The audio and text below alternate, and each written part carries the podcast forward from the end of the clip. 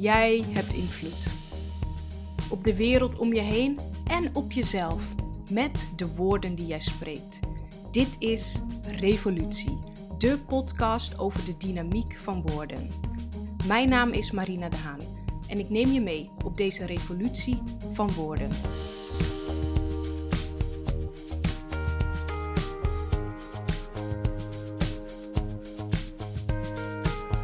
Schreeuwen tegen mijn moeder: Ga terug naar je eiland. Ga terug naar je eiland.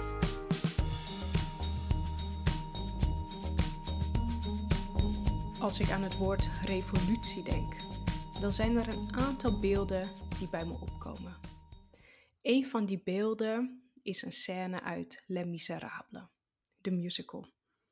Ik ben altijd al een groot fan geweest van theater op de middelbare school ehm, was ik een van de theaterambassadeurs in het uh, Zaantheater in Zaandam. Dan gingen we iedere maand naar het theater, van cabaret tot toneel tot musical. En ik ben toen journalistiek gaan studeren in Utrecht en ik schreef voor een uh, cultureel platform. En daardoor kon ik altijd voor een recensie of voor interviews met de musical uh, sterren, met de cast, kon ik gratis kaartjes regelen. Dat waren altijd hele goede kaarten op de eerste rang, zodat ik het lekker goed kon zien. En dan bezocht ik verschillende musicals, van Aida tot 42nd Street tot Titanic, maar ook Les Miserables. En ik zag deze musical in het theaterseizoen 2008-2009. Ik weet nog dat ik een beetje halverwege de zaal zat, rechts uit het midden. En er is één scène dat de hele cast het lied zingt Nog één dag. En dan, dat is echt zo'n lied met heel veel kracht en met iedereen die door elkaar zingt en harmonieën zingen. En het is echt fantastisch, echt kippenvel. En ik weet nog dat ze daar allemaal stonden en zij gingen de barricade op. En in de musical plannen de studenten een revolutie, want zij willen de arme mensen die in Frankrijk wonen helpen. Zij gaan dus in feite de barricade op voor vrijheid. En dat beeld, dat is in mijn hoofd geprent. Want dat is zo krachtig dat je dus ergens voor durft op te staan en voor durft te vechten. Want je gaat de barricade op als je iets voor elkaar wilt krijgen, of juist als je iets wilt tegenhouden. En ik weet dat mensen vaak de barricade opgaan als er onrecht is. Je gaat de barricade op omdat je verschil wilt maken, bijvoorbeeld, of omdat je de andere kant van een verhaal wil laten zien.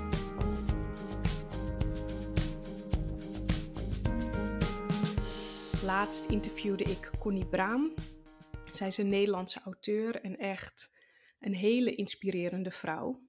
Zij, uh, zij was jarenlang voorzitter van de anti-apartheidsbeweging in Nederland. En deze beweging is mogelijk de grootste solidariteitsbeweging geworden van Nederland. Maar Connie is heel down to earth, heel inspirerend om met haar in gesprek te zijn. En ik sprak haar over haar nieuwe boek. Wij zijn de wrekers over dit alles. Net een paar weken uit. En zij heeft de afgelopen weken, afgelopen jaren moet ik zeggen, heel hard aan dit boek gewerkt. En met die roman gaat ze, net zoals ze vroeger tegen apartheid streed, met dit boek gaat ze ook weer de barricade op. Want ze belicht een deel van de geschiedenis van de Tweede Wereldoorlog waar bijna niemand iets van af weet. Bijna niemand weet namelijk dat veel mensen uit Afrika hebben meegevochten tegen de nazi's. Bijna niemand weet dat ze door onder andere Winston Churchill van het Verenigd Koninkrijk zijn voorgelogen. Hij beloofde ze vrijheid, hij beloofde ze democratie, maar hij kwam zijn belofte niet na. Bijna niemand weet dat.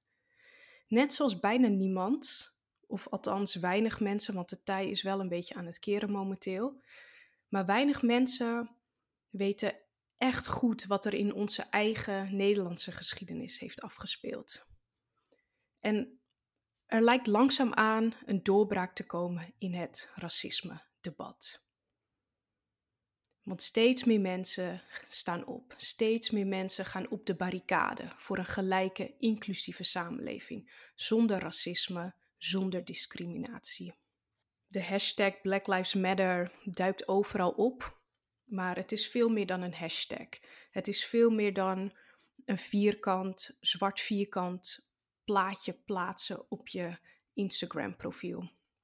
Black Lives Matter is een mensenrechtenbeweging. En je hebt het vast allemaal gezien op het nieuws. Door heel het land zijn duizenden mensen de straat op gegaan. Met één duidelijke boodschap: stop met het uitmoorden van zwarte mensen. Nog even terug naar dat lied. Nog één dag uit Lemies. De afgelopen dagen heb ik dat lied op repeat gezet, zodat ik het lekker uh, goed kon horen. En toen hoorde ik de zin: ieder mens gelijke maat. Ieder mens gelijke maat. Dat klinkt echt fantastisch. Ik hou van woorden, ik hou van zinnen en ieder mens gelijke maat, dat is pakkend. Je staat ergens voor. Maar het is helaas nog geen waarheid in Nederland. Het zou nog mooier zijn als dat het wel wordt. Want in Nederland meten we met twee maten. We meten met de witte maat en met de zwarte maat. En die witte maat, die wordt in Nederland als normaal tussen aanhalingstekens gezien. Dat is soort van de norm.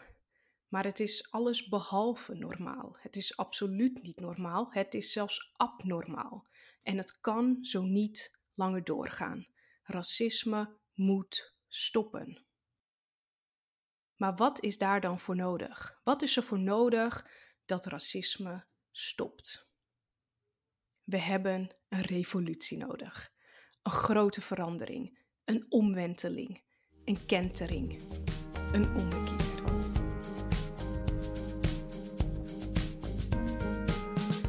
Nu is het moment voor verandering. Dat is ook de reden waarom mensen met verschillende huidskleuren zij aan zij bij de protesten in Nederland, maar ook in andere delen van de wereld staan. Ze staan op tegen racisme, tegen ongelijkheid, tegen discriminatie.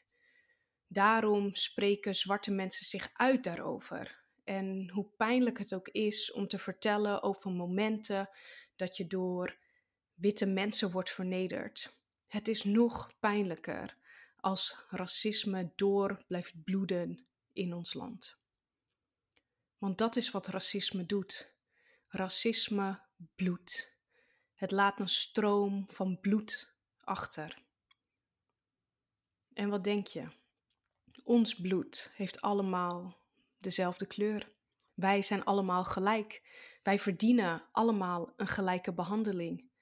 Maar toch wordt de een anders behandeld dan de ander vanwege zijn of haar huidskleur. Ik heb me daar de afgelopen periode heel erg boos om gemaakt. Ik heb onrustig geslapen. Ik heb soms niet geslapen. Ik ben soms s'nachts wakker geweest. Ik heb gehuild. Ik heb er heel veel over gesproken met vrienden, met familie. Ik ben naar het protest geweest in het Nelson Mandela Park in de Amsterdamse Bijlmer. Dat was heel bijzonder om daar met elkaar voor hetzelfde te staan. Met onze vuist in de lucht hebben we een vuist gemaakt tegen racisme. Ik schreef een opiniestuk dat in verschillende kranten is verschenen, verschenen, waaronder in de Volkskrant. En in dat stuk vertel ik hoe ik als dochter van een witte Amsterdamse vader en een zwarte Antilliaanse moeder opgroeide. Vroeger had ik gezegd dat ik halfbloed was, maar dubbelbloed klinkt eigenlijk beter.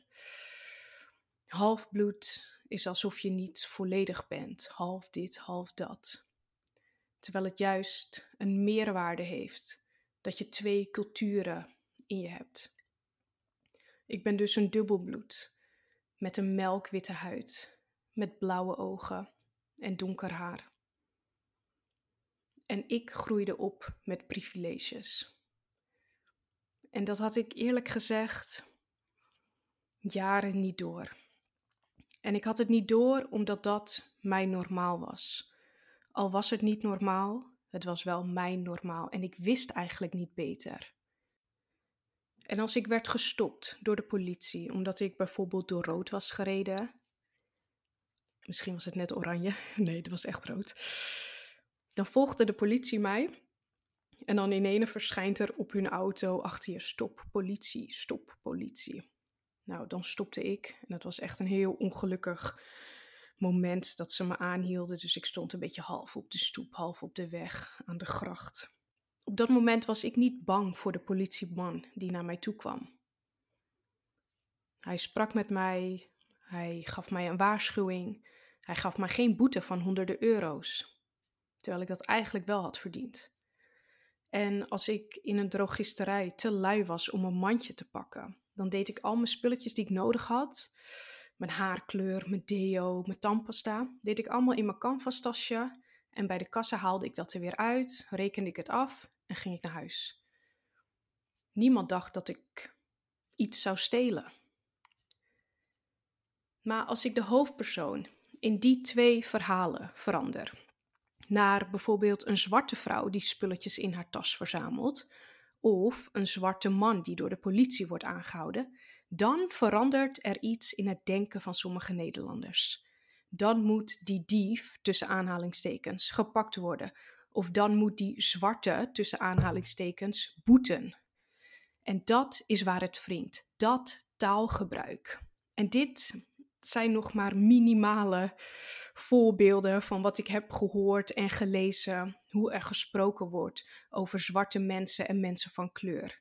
Die manier van praten, van denken over een ander mens, daar wringt het. Een ander mens, wiens bloed ook rood is. We hebben een revolutie nodig, een grote verandering, een omwenteling, een kentering een ommekeer.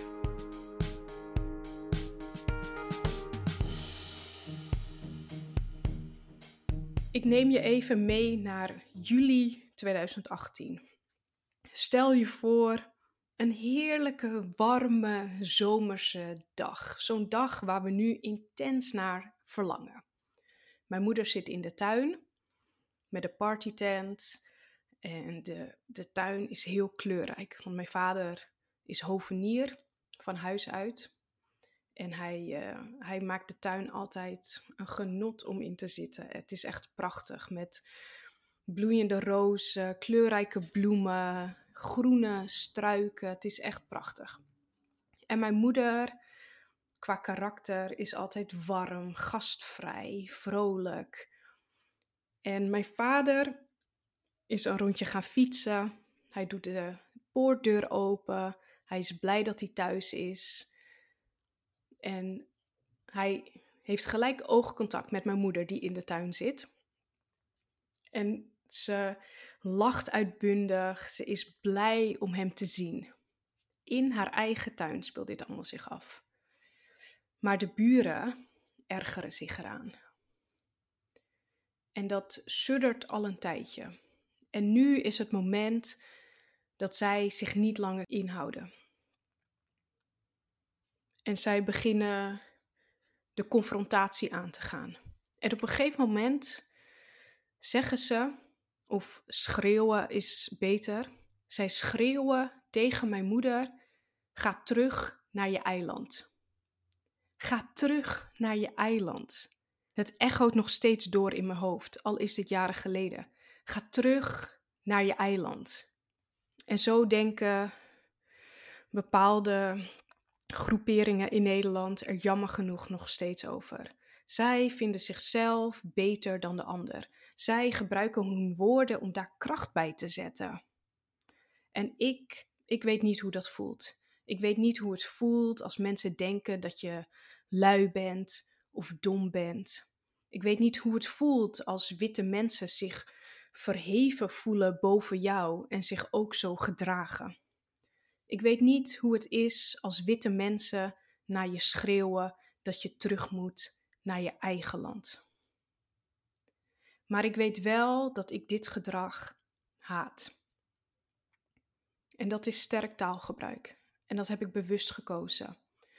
Ik haat het dat huidskleur nog steeds belangrijker lijkt te zijn dan de kleur van onze ogen. Ik haat het dat huidskleur nog steeds belangrijker lijkt te zijn dan ons karakter.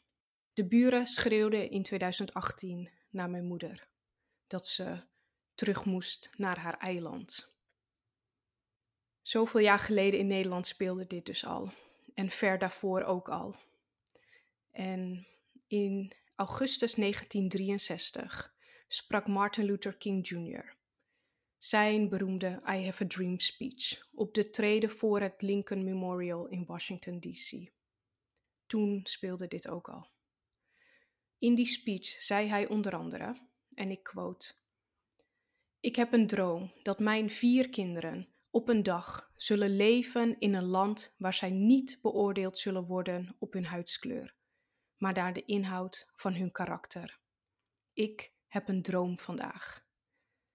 En ik heb nog steeds die droom. En anderen met mij. Daarom gebruiken we onze woorden en onze stem. We gaan niet gebukt onder giftige woorden van mensen die de essentie van het leven missen. Black lives zijn het waard. Dat is de reden dat we demonstreren met opgeheven hoofd en met rechte rug.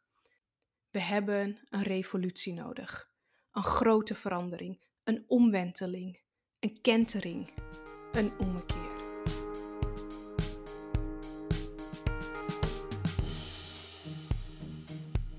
En ik zei het net al even, ik was uh, bij het protest in de Bijlmer. En ik was met een goede vriendin gegaan. We stonden aan de zijkant en ik kon uh, alles goed horen. Ik kon de speeches horen, de muziek horen. En het was heel bijzonder om daar onderdeel van te zijn. Ik had mijn eigen pro protestbord gemaakt met de woorden Get Up, Stand Up van het uh, liedje van Bob Marley.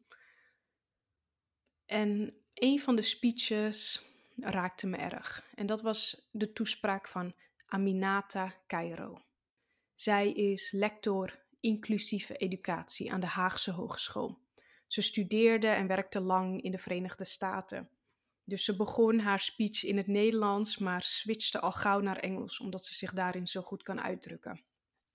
En het was krachtig en het was verbindend en het was echt prachtig. Echt kippenvel. Maar wat ik interessant vond was wat zij zei. Ze zei namelijk dat we ons niet alleen bevrijden van racisme door verzet tegen onrecht. We moeten ook onder ogen zien wat racisme met mensen doet. En daarvoor moet je dus de mens durven te zien. Zij zei bijvoorbeeld: We moeten allemaal ontgiften. Dat is de uitdaging. We moeten ontgiften omdat er dus jarenlang woorden zijn gesproken en handelingen zijn uitgevoerd in het nadeel van zwarte mensen en mensen van kleur. En dat is helemaal in de samenleving gaan zitten, diep in de wortels. En dat is gif. En dat gif moet eruit. Dus we moeten allemaal ontgiften. Daar is verandering voor nodig. En die verandering, die begint bij jezelf. Bij de man of vrouw die jij iedere ochtend in de spiegel aankijkt. Bij de man in the mirror. Durf jij kritisch naar jezelf te kijken? Durf jij jouw blinde vlekken te ontdekken? En als het nodig is, je woorden aanpassen of je gedrag veranderen. Stel dat jij altijd hebt gezegd dat Zwarte Piet zo, zo'n leuk kinderfeestje is. Dat Sinterklaas zo'n leuk kinderfeestje is en daar hoort Zwarte Piet bij. Maar als jij weet dat met Zwarte Piet of met woorden die jij gebruikt, als je weet dat je daarmee een ander kwetst en pijn doet, als je weet dat dat een stroom van bloed achterlaat. Blijf je daar dan aan vasthouden? Blijf je aan je overtuiging vasthouden? Of durf je jezelf in de spiegel te kijken en durf je die overtuiging te veranderen? Ik denk dat dat nu heel erg belangrijk is. Wij hebben overtuigingen van huis uit meegekregen? Wordt het niet eens tijd dat we onze overtuigingen, ja, kunnen onze overtuigingen ons nog ervan overtuigen? Is dat waarheid? Of durven we onze overtuigingen overboord te gooien en nieuwe overtuigingen te omarmen? Die verandering die begint bij jezelf. Laten we de ander echt zien. Het is nodig om de ander echt te zien.